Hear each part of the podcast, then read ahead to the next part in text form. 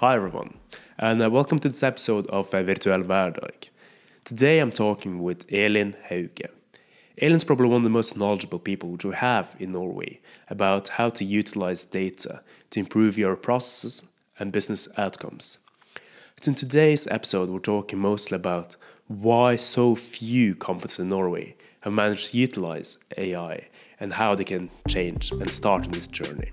Hi, Elin. Hi. Thanks for coming over. My pleasure. Thanks I for inviting me. I understand that uh, you just recently had a presentation here. Yep. What was the topic about? I was talking about the obstacles of applying AI in Norwegian businesses. Uh, things are just moving way too slowly. Oh, I, I completely concur with that. But what are the obstacles which we are facing? Why aren't we moving faster?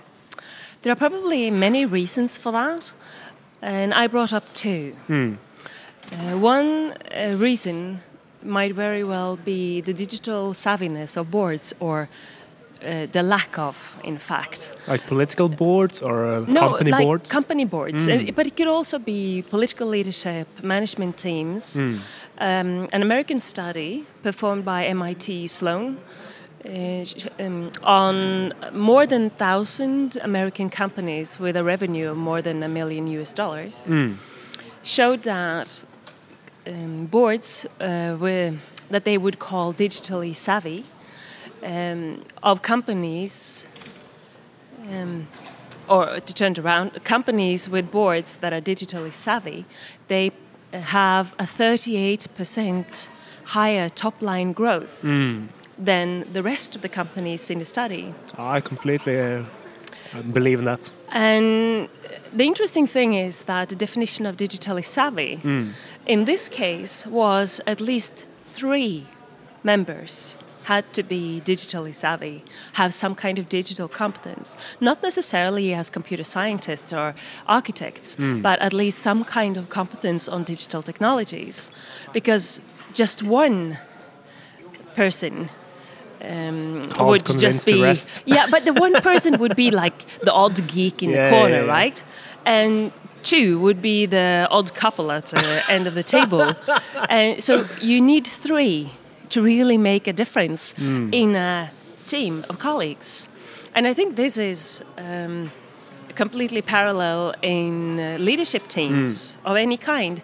You can't just have one digitally savvy person and that person uh, becomes uh, your alibi for digital competence. Absolutely. But what does it mean to be digitally savvy?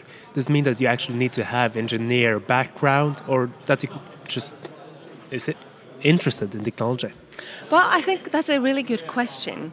Um, and I didn't find an exact definition, um, but it is about the ability to understand digital technologies and the potential of those technologies, which means that you need to know some technical topics and you, you need to have some feeling with what are these technologies And in how fact about and- them? and how can we apply them. Mm. But i do think that the most important part is just that. How can we apply them? That's the most important mm. part. And that's where i think a lot of norwegian boards and leader teams uh, they lack this competence of actually understanding how can we apply these technologies. Because if, I, if they had them they wouldn't have been in the current situation.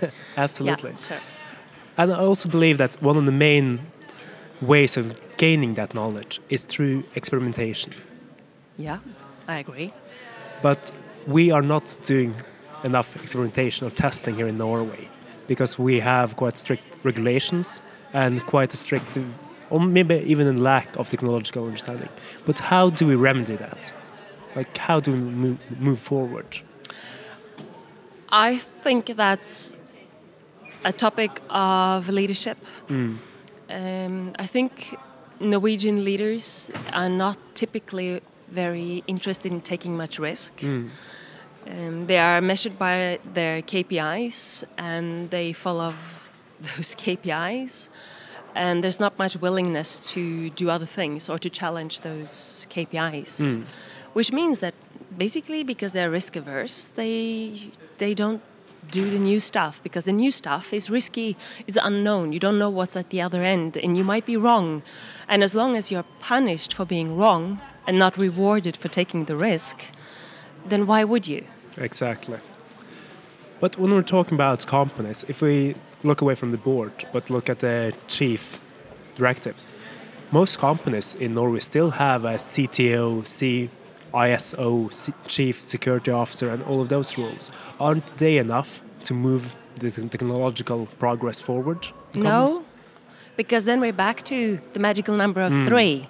Because if you have that one CTO and the rest don't understand anything, uh, you have the same problem. That poor CTO is trying his or her best, but still, mm. uh, you don't get the finance says we can't afford that. No, and, and then it's not just business as usual, mm. like because what you really need to understand is how these new technologies will impact your business model. Mm.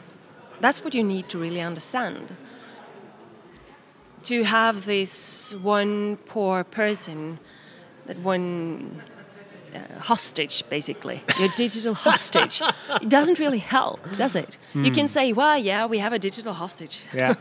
well, like we have a digital minister in Norway. Yeah, poor hostage. yeah, but I think we, we really need to to realize that one hostage doesn't help. You mm. need to have several hostages. You, you, need to have make a crowd. You need a crowd, not a hostage, okay, basically. I understand. Yeah. And what's the correct way forward? I know that it's probably company dependent, but what do you foresee as the easiest way? Is to recruit more people with technology experience, or is to educate those uh, people that you already have, so the CFO, the COO, and those roles? I think you need to do both. Mm.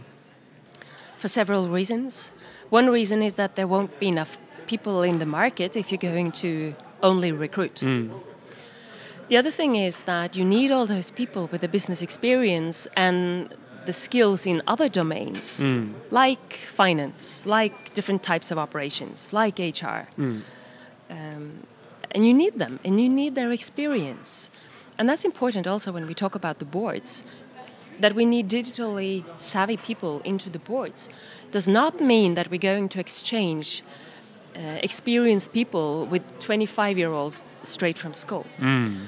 What it does mean is that a lot of people aged 40, 50, maybe 60 plus need to take the time to sit down and actually upgrade their skills. Mm. So yes, I think it's both. We both need to upgrade the skills of the existing existing workforce, and we need to recruit more people with the right competence. Mm, I agree. But for people that are 40, 50, 60 and are looking at the vast technological landscape, it's really hard to decide where should I start. So you get sort of consumer confusion. Yeah. And then you simply don't act because it's way too many choices and it's way too difficult to keep yourself updated on all the different aspects. What do you recommend uh, they should start with? Well, you need to stop using that as an excuse for not doing anything. uh, then just start somewhere. Mm. Um, uh, start reading tech news. Mm. Start there. At least get the headlines. You read MIT Tech Review, uh, or take a course at Coursera or mm. some other online free resource site, uh, or uh, take a university program. But there are so many ways. Do something. Mm. At least dedicate a few hours every week to upgrade your skills. Mm. Yeah, Do I completely agree. At least, yeah. Because a lot of people have plans and companies use a lot of time to create strategies about how we should have continuous evolution oh, yeah. of employees, but few actually do evolve their skills and take on new courses. Yeah, that because the consulting industry they make mm. a hmm. lot of money on this insecurity. Mm. You know, there's a company with insecurity about AI. Oh, let's do a strategy process. it's uh, lots of money in that for the hmm. consulting mm. industry. The same with digitalization. Let's make a digitalization strategy. Hmm. Money for the consulting industry. And I've been working in the consulting industry for the last few years, so I'm I know I'm annoying some part of the former, problem. I'm part of the problem, but I, I, also tend to tell customers and colleagues that yeah. we are, in fact, part of the problem, mm. and we need to uh, start actually helping uh, customers doing things and not just making strategies because uh, I think making a digitalization strategy or an AI strategy is kind of the wrong track because what you really need to do is to understand how these technologies are going to impact your business strategy. Mm. That's where you need to start. How? Well, you need to look at your market, your consumers, what is happening, um, who are your challenges uh, in this market, what is your business model five years from now, 10 mm. years from now. That's what you need to focus on. And if you look at the large retailers, which is one of the obvious examples right now with all the headlines in the media, mm. uh, they really need to look at what are we five years ahead, 10 years ahead. We are competing with Amazon on one hand, uh, or Alibaba. On the other hand, we're competing with grandma uh, by the kitchen table. Mm. Where are we going to be? And the traditional value chain doesn't work anymore. Uh, and that's what they need to start with. And then technology is just an enabler. Uh, so is AI, because AI is just an advanced form of digitalization. Yeah, absolutely is. Do you believe that AI will have a really big impact on all industries, or just some industries that need to have, for example, a chief AI officer? Or do you need to have that hostage in every company? Good question. I think, I hope sometime in the near future we will stop talking about AI as the one bucket mm. of all definitions. Um, because if you look a few years back 10 years, 15 years, 20 years our definition of artificial intelligence has been completely different mm. to what it is now. We keep pushing the boundaries of what is in fact artificial We're intelligence. Still including in the same bucket. Uh, yeah, and still we have those same same buckets. So I think we will stop talking about artificial intelligence as this foggy thing that we don't really manage to grasp, mm. and start talking more about data-driven businesses. Mm. And data-driven in the this context just means that we add some machine learning on top of it, basically to make sense of our data. It's not magic. It's not some artificial ghost out there. Mm. You know, it's just maths on top of the data we already have, and we use that to make sense out of our business. Yeah, because now for the longest time we already have collected quite a lot of data. Yeah. We've never been able to utilize that properly. No. And you believe that in the future now, the next three, five years, we're going to see a lot more utilization of that data to make decisions. Yeah, yeah. And really, because we have used statistics mm. for many years, that's a natural part of reporting and business analysis. Now we're just adding a bit more advanced mm. methods of analysis on top of that, which is machine learning. Mm. Hi, everyone, and sorry for the short interruption. But if you come this far into the podcast, it means that we do something right here at Virtual Hverdag. So I would love if you can just spend two, three seconds to rate, comment, or share this podcast. It would mean very much to me. So thank you, and back to the episode. But if we go back to how we started this conversation, you said that here in Norway we, we aren't moving fast enough. No. Why not? Is because we trust our gut feeling more than data? Or why aren't we implementing more machine learning and AI into our businesses to have that data driven decision? Well, well as I started um, talking about the competence of boards, mm. but if we look at leaders as well, um, they need to uh, gain more competence of these technologies so that they in fact do understand which decisions they need to make mm. and how these data can somehow create more insight for them so that's one side I think the other side to this that we need to um, have some kind of empathy with is that the degree of change is also uh, an obstacle here. Okay. Now we've been talking about like the Toyota way, continuous improvement mm. since like year 2000, and continuous improvement is relatively easy, right? So it's as a business leader, it's easy to make a decision on making things a little bit better. Mm. I can improve the customer journey, I can improve the efficiency of my work processes. As long as there's a business case, it's easy to make that decision. But if we look at what's happening now with all these new digital technologies, we're talking about disruption. Mm. Like retail is a very good example. Uh, and Kodak has been used as a, a case Uh, for many years. The point is that you have traditional companies with their traditional value chains, and they have a huge legacy. Hmm. And very often they are asset heavy, financially heavy. They have physical assets, factories, logistics, warehouses, stores. A lot of money are tied to those assets hmm.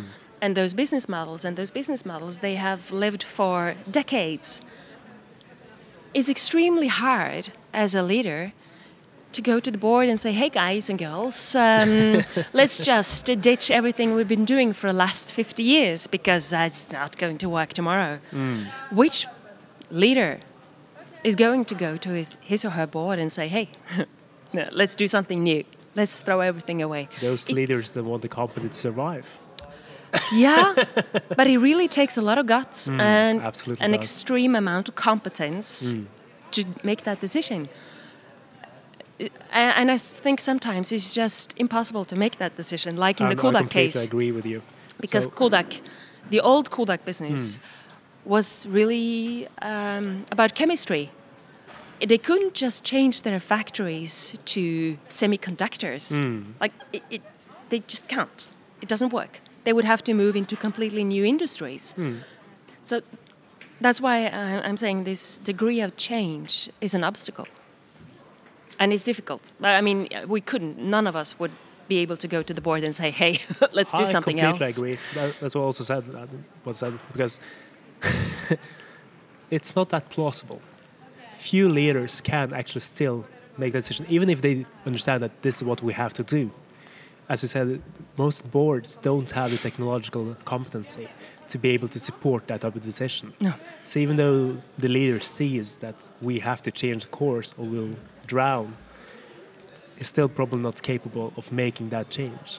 So, how do you foresee in the next, let's say, five, ten years? Will a lot of the existing companies basically go under for Yeah. the disrupting it? I think so. A lot of companies will die. Hmm. Lot, a lot of big companies will die. Change uh, owners, um, complete change of leadership. Um, yeah, we will see some massive changes. And you believe that when those changes are made, we'll have more technological competent people within the steering committee, Yeah, I think so because you will have to have new people on board. Yeah. and then recruit those nerds. yeah yeah and and also more and more people do in fact build that competence. Hmm. So you have more and more people in the market that can actually take those kinds of positions hmm. and also Understand. have some business experience. To believe Norway will take inspiration from other countries as well? Will we see more of this type of implementation, like US or China? Will we have yeah and i think we will see more people from different countries working together. Hmm. Like cross-national? yeah and and people moving around to work in different parts of the world and and we also now we don't need to travel to singapore to work with singapore Hmm. yeah i can work with singapore from oslo And that's really interesting because the technological advancement, which are already made there, we basically could already start utilizing here in Norway. yeah yeah But again, then, what is the way forward? If I'm now an employee in a large technological company, how can I affect my company? I'm not the leader. I can't affect the board of directors. What can I do as a single employee? yeah good question. But i think we can all take part in building competence. We can all take part in um, bringing up discussions bringing ideas to the table. And uh, and i think uh, this goes for consultants as well. Uh, try to come up with ideas where you can at the same time minimize the risk of uh, applying that idea to real life and that's why I often talk about proof of concept as proof of concept hell. Because traditionally, the consulting industry has sold proof of concept for like half a million Norwegian kroners, maybe a million.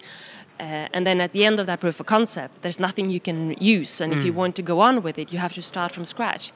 No, but rather think in new ways. How can you try out things in a much shorter time period and verify is this uh, is this doable? Can can we have some kind of minimum viable product earlier?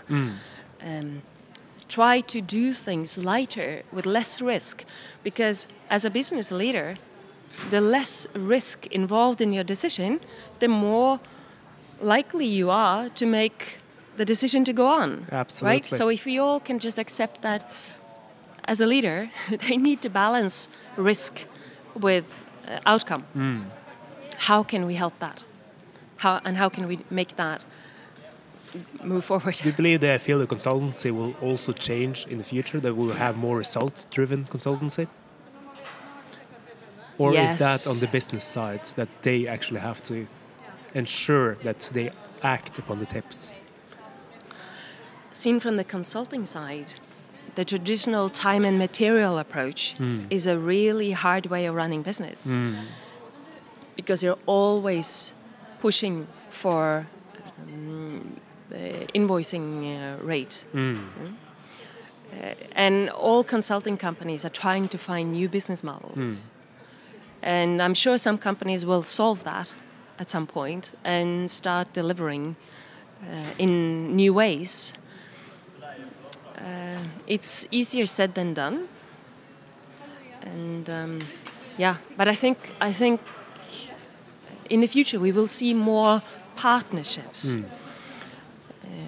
uh, more ecosystems, and basically that is because the technology is developing so fast that each company on its own will not be able to develop resources internally and the competences internally to have all the skills and the capacity they need, which means that they would have to collaborate much more. So I think we will see, particularly for medium-sized and smaller medium-sized companies, that they will have new ways of working together. Hmm. I absolutely be- believe that as well, hmm. because you can't be an expert in everything anymore. It's so Yeah. much different to choose from. Yeah. So, finally, just last question, because we're running out of time. For business leaders of tomorrow, what would you recommend them to do? If just a short two, three sentence answer, like what should they focus on? Um, You need to understand digital technologies, but you need to understand the business application of them and the application for society. Um, yeah, so I think that would be my number one of today. Perfect. And then one more thing, um, as uh, also some of the other speakers pointed out, we need to realize that the bias we have with us as humans is much worse than the bias of machines. Hmm. So we need to see the bias in our own eyes as well and realize that we don't make objective decisions. No, absolutely not. And if you want to have a different workforce in the future, you need to also look for different skills hmm. uh, with different criteria than what you have been using previously. Hmm. Completely agree. Perfect. Thank you, Elin. Thank you for inviting me.